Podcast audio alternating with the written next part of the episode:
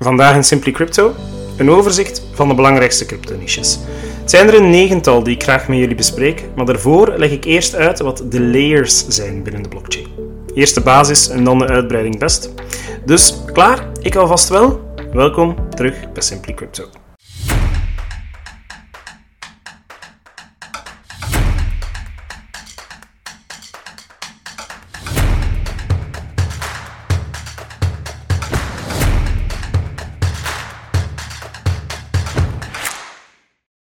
Ik begin vandaag met het concept van layer 1's, layer 2's en alle andere layers binnen de blockchain-technologie. Nu, blockchain kennen jullie nog altijd als uh, het gigantisch boekhoudkundig systeem waar alles wordt opgeslagen. Dit is in de simpele benaming de layer 1 of de fundering van crypto. Je kan het eigenlijk als een appartementsgebouw zien waar alles op gebouwd wordt. Dat is de fundering. Of de oorspronkelijke laagtechnologie, waarop dat je dus kan gaan bouwen, zoals ik al zei, om alles efficiënter te maken. Bijvoorbeeld, Um, vaak betaal je heel veel transactiekosten om iets te verzenden op de blockchain, zeker bij Ethereum. Daarom zijn er dan ook oplossingen voor gemaakt. En dat is de laag die erop komt. Dat zijn de layer 2's. Het is een nieuwe laag technologie, geconnecteerd met die layer 1, de eerste laag. En wat die doet, is de blockchain schaalbaar maken, wat gewoon wil zeggen meer transacties kunnen doen aan een lagere kost. Bij Bitcoin noemt dat de Bitcoin Lightning Network. Polygon en Optimism zijn volledige apartstaande projecten die exact dat doen voor Ethereum. En door die transacties sneller, maar ook goedkoper te maken, is de blockchain-ervaring leuker, waardoor dat het dan weer aantrekkelijker wordt en ook gemakkelijker wordt om erop te bouwen. Een aantal voorbeelden van Layer 1 projecten, wil zeggen blockchains waarop dat je dus kan gaan bouwen, zijn Ethereum, Cardano, Solana, BNB en Avalanche. Er zijn er nog wat door, maar dat zijn toch wel de bekendste namen.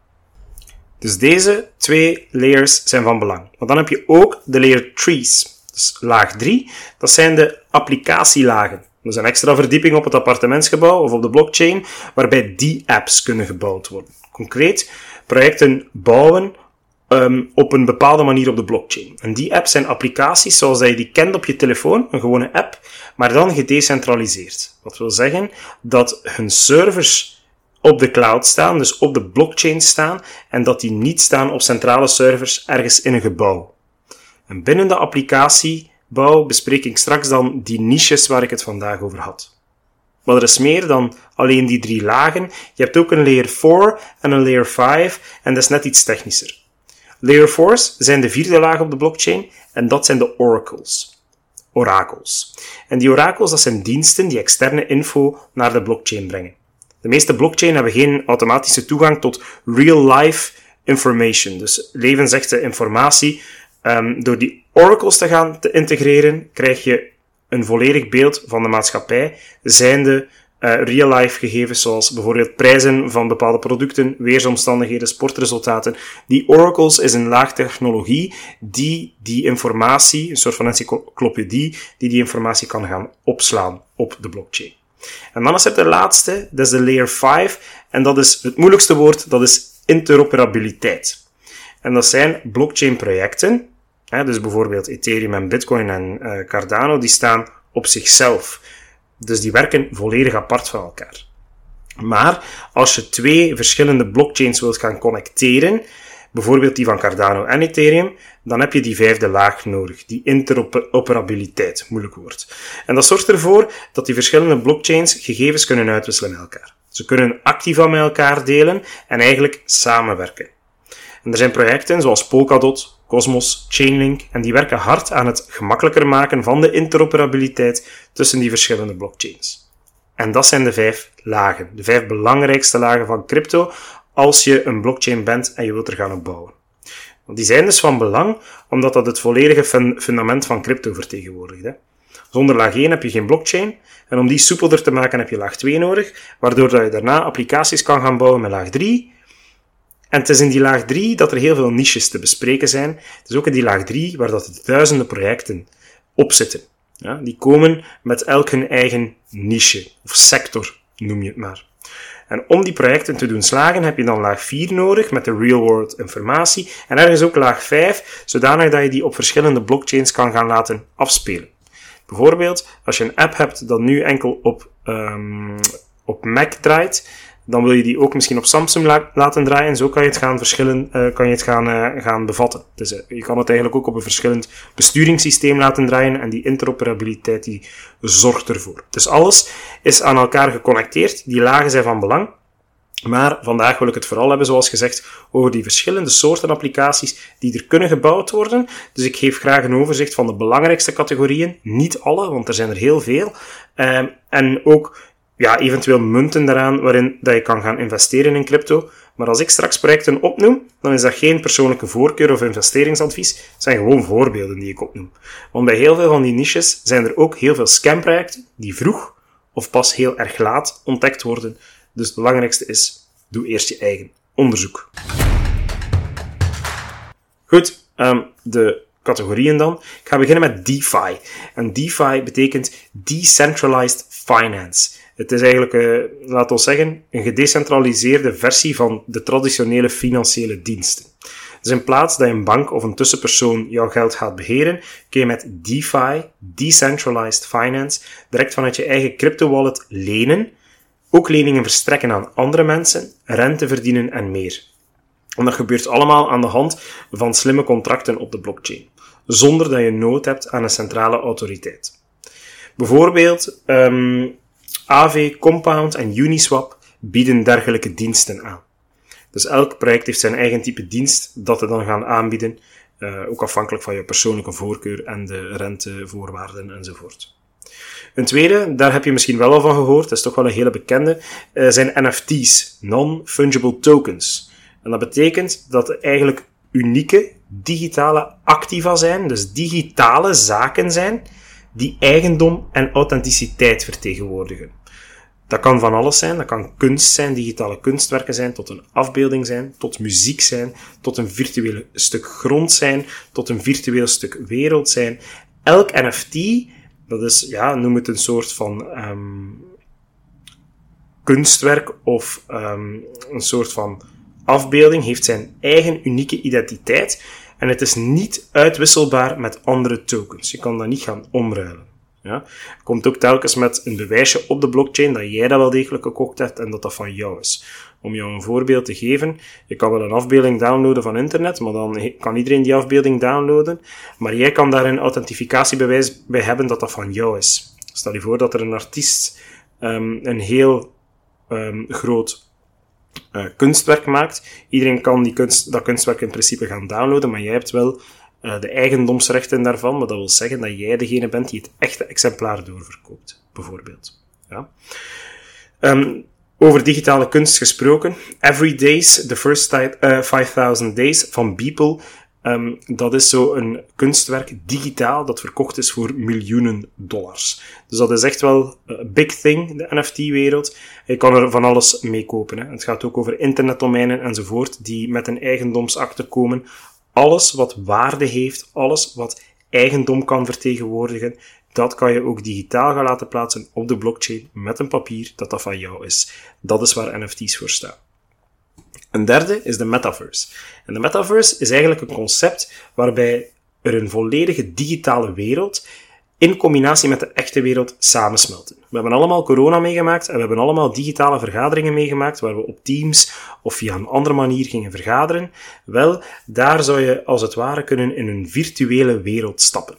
Het omvat hè, virtuele werelden, um, augmented reality, virtual reality.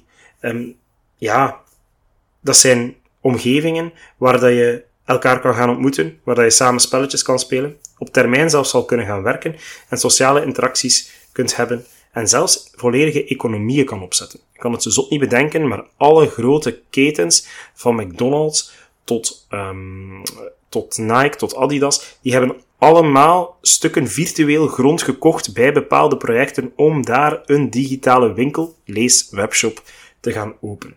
Ja. Decentraland is het oudste uh, project binnen die metaverse-wereld. Uh, Sandbox was een hele bekende tijdens de vorige bullrun, maar ze komen als paddenstoelen uit de grond. En dit is echt wel eentje om in het oog te houden, want op termijn, um, dat wordt toch voorspeld, gaat iedereen meer en meer kennis maken met die metaverse, met die, ja, laat ons zeggen, andere manier van digitaal leven. Um, dus dat is zeker iets dat op ons afkomt. Maar er zijn, ze komen als paddenstoelen uit de grond, die metaverse-projecten. En de vraag is, welke gaan van toepassing zijn uh, voor ons of voor onze werkgever. Um, dus dat zien we wel. Voorzichtig zijn is de boodschap. Een andere niche, dat is de vierde, is de gaming en de play to earn. De P2E niche. En dat, is, dat combineert eigenlijk de technologie van blockchain samen met gaming. Dus wat doen die? Die pay to, uh, play to earn. Ja, het zegt het zelf, hè. je speelt en je verdient. Stelt spelers in staat eigenlijk om virtuele uh, munten te verdienen crypto te verdienen, zoals in-game valuta, items, opnieuw die NFT's die geïntegreerd zijn, zodanig dat ze die kunnen verhandelen of gebruiken in bijvoorbeeld een ander spel. Spelers worden dan ook beloond voor hun prestaties en de tijd dat ze in het spel investeren. Maar meestal moet je heel veel tijd in het spel investeren en krijg je relatief weinig beloning. Het is ook maar een manier om iemand bezig te houden. Maar die gaming en die play-to-earn op lange termijn, in combinatie met die metaverse, het staat allemaal een beetje gelinkt, kan dat een zeer interessante worden. Sowieso. Een vijfde is blockchain voor supply chain management. En dat is echt een niche waarin blockchain wordt gebruikt om de transparantie, want openbaar grootboek, een openbaar um, boekhoudkundig systeem, en de traceerbaarheid van alle toeleveringsketens te verbeteren. Dus bedrijven kunnen die blockchain-technologie gebruiken om elk aspect van de supply chain, zoals productie, opslag, transport, distributie, te registreren om op een onveranderlijke uh, manier te gaan vastleggen, zodanig dat we altijd weten waar wat is op welk moment. Dat vermindert fraude en dat zorgt er ook voor dat consumenten en bedrijven vertrouwen blijven hebben in de oorsprong en de kwaliteit van die producten. Een van de projecten die daar al heel lang mee bezig is, is VeChain. Is een uh, Chinees project. De zesde is privacy coins. En privacy coins zijn cryptocurrencies die speciale aandacht besteden aan het waarborgen van de privacy, anonimiteit van de gebruiker tijdens transacties. Terwijl dat de meeste cryptocurrencies openbare grootboeken hebben, dus dat open uh, boekhoudkundig systeem, waarin dat alle transacties voor iedereen zichtbaar is, richten die specifieke privacy coins zich op het beschermen van de identiteit van de afzender, de ontvanger en dus ook de transactiebedragen. De bekendste um, privacy coins zijn Monero, Zcash en Dash, maar dat zijn al hele, hele, hele oude projecten. Uh, vraag is wat dat die in de toekomst nog waard gaan zijn en in hoeverre dat die nog kunnen uh, hun stempel drukken op de markt. De zevende sluit daar eigenlijk wel bij aan um, als we het over identiteit en privacy hebben, en dat gaat over Decentralized Identity. DID, Decentralized Identity. En DID of DID verwijst naar het gebruik van blockchain-technologie om digitale identiteiten te beheren. Het stelt eigenlijk individuen in staat om hun gegevens persoonlijk op te slaan, op een veilige manier te beheren, te delen, zonder eigenlijk afhankelijk te zijn van een centrale autoriteit, zoals een overheid, zoals een SMI, weet ik veel wat.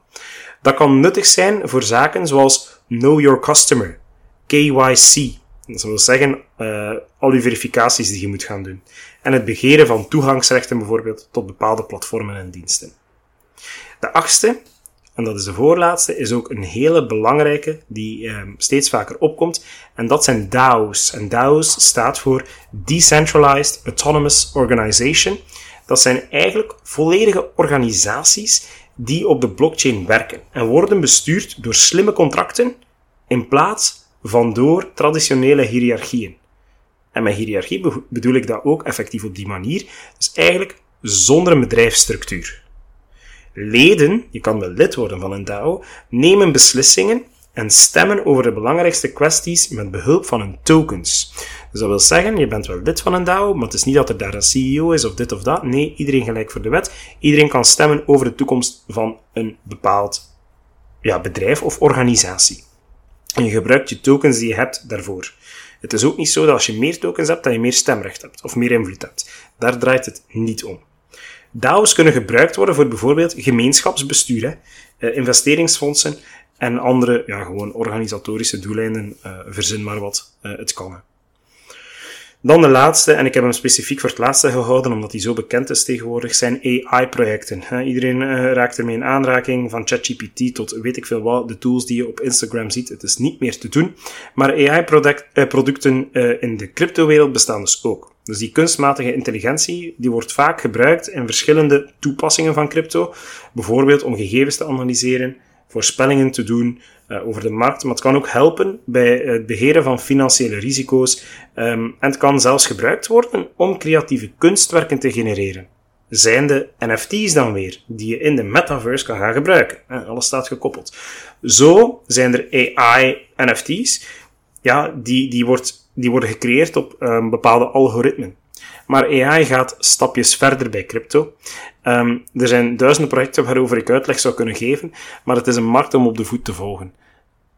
Op dit moment zijn er ook een aantal uh, munten die eraan gekoppeld staan, van Ocean tot uh, Agix, tot uh, SDAO, tot Nunet. Er zijn er heel aantal, um, maar dat zijn zeker en vast, een zeker en vast een niche om helemaal in de gaten te houden, want die gaat ontploffen volgens mij. Persoonlijke mening dan opnieuw. Maar um, alles is AI aan het worden, dus we kunnen het maar best mee opvolgen. Een hele boterham, hè. het zijn er negen geweest en ik heb ook die faseringen uitgelegd of die lagen uitgelegd. Maar bon, ik hoop dat ik jullie op die manier wel een duidelijke uitleg verschaft heb. En bij deze zijn we rond. Dus ten eerste hebben we vandaag de, de fase gezien, denk ik, uh, waarbij dat we eigenlijk de lagen hebben gebouwd op de blockchain. Heel belangrijk om te blijven onthouden. Want als je investeert, moet je ook goed beseffen dat die grondlagen, die laag 1, dat die eigenlijk alle andere lagen die erop staan, dragen. Dus als die lagen daarboven goed presteren, is je grootste presteerder eigenlijk je onderlaag, je laag 1. Daarom dat er ook het meest in die layer 1's geïnvesteerd wordt. Maar ben je helemaal overtuigd van een bepaald project dat binnen die layer 3 zit, een bepaalde organisatie, een DAO, een NFT-project, een AI-project, kan je daar ook perfect gaan in investeren. Dat is, die keuze is vrij voor iedereen. Maar doe eerst je onderzoek. Want niet wat ik vertel telt, maar een combinatie van een besluitvorming van jouw eigen mening op basis van onderzoek enzovoort. Goed, ik ben klaar. Ik hoop dat jullie iets hebben bijgeleerd. Als het wat snel ging of het was onduidelijk, beluister het dan gerust eens opnieuw. Het duurt maar een kwartiertje. En dan uh, hoop ik om jullie zo snel mogelijk opnieuw te zien, maar dat zal komende zaterdag zijn. Tot dan. Dag.